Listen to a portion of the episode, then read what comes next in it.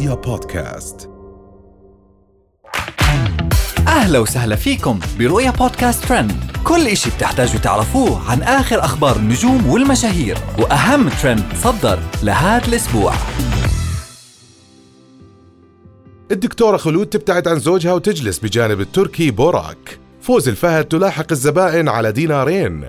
عجوز مسلسل الحبار متهم بالتحرش وأخيرا سعودي يصفع مسن أمام العشرات يثير الغضب. أثارت الفاشينيستا الكويتية الدكتورة خلود الجدل بعد ظهورها مع الفنان التركي بوراك في الكويت. وهالشي بعد ما تصورت معه وخلته يجلس بالمنتصف بينها وبين زوجها أمين. وظهر بوراك وهو جالس جنب أمين والدكتورة خلود وهالشي انتقد المتابعين بسبب السماح له بالجلوس بين الدكتورة خلود وزوجها. وهاجم المتابعين أمين زوج الدكتورة خلود اللي سمح للفنان التركي أن يجلس بينهم بهالطريقة الغريبة. وهالشي كان سبب كمان بأنه يعرض الدكتورة خلود للهجوم بسبب صورها الغريبة معه. ومن التعليقات اللي إجت عنهم زوجها مخليها جالس جنبها. زوجها شلون راضي؟ رجال غريب يقعد جنبها. خل نسكت مو ناقصين قضايا.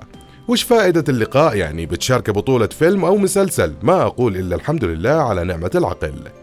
ومن الدكتورة خلود رح ننتقل لفهد الفوز وعملها بالصالون. تصدرت الفاشينيستا الكويتية فوز الفهد الترند على منصات التواصل الاجتماعي وبين المتابعين بسبب سلوكها اللي اعتبروا المتابعين غريب وغير مناسب بسبب تعليقها على دينارين. وكانت فوز الفهد طلعت بفيديو وشكت من بعض الزباين اللي بيعلقوا عندها في الصالون وما يرضوا يكملوا الدفع من شان دينارين زيادة. وتعرضت فوز الفهد لحملة كبيرة من الانتقادات بسبب سلوكها ومن التعليقات اللي إجت على الفيديو الخاص فيها. مو لازم تشتكي عشان قصدها الدينارين. بعضهم ما يرضى أحد يضحك عليه لو حتى بدينار. إذا أنت فلوسك وايد وما تحسين بقيمة الدينار. ومن فوز الفهد رح ننتقل لمسلسل الحبار والممثلين اللي فيه.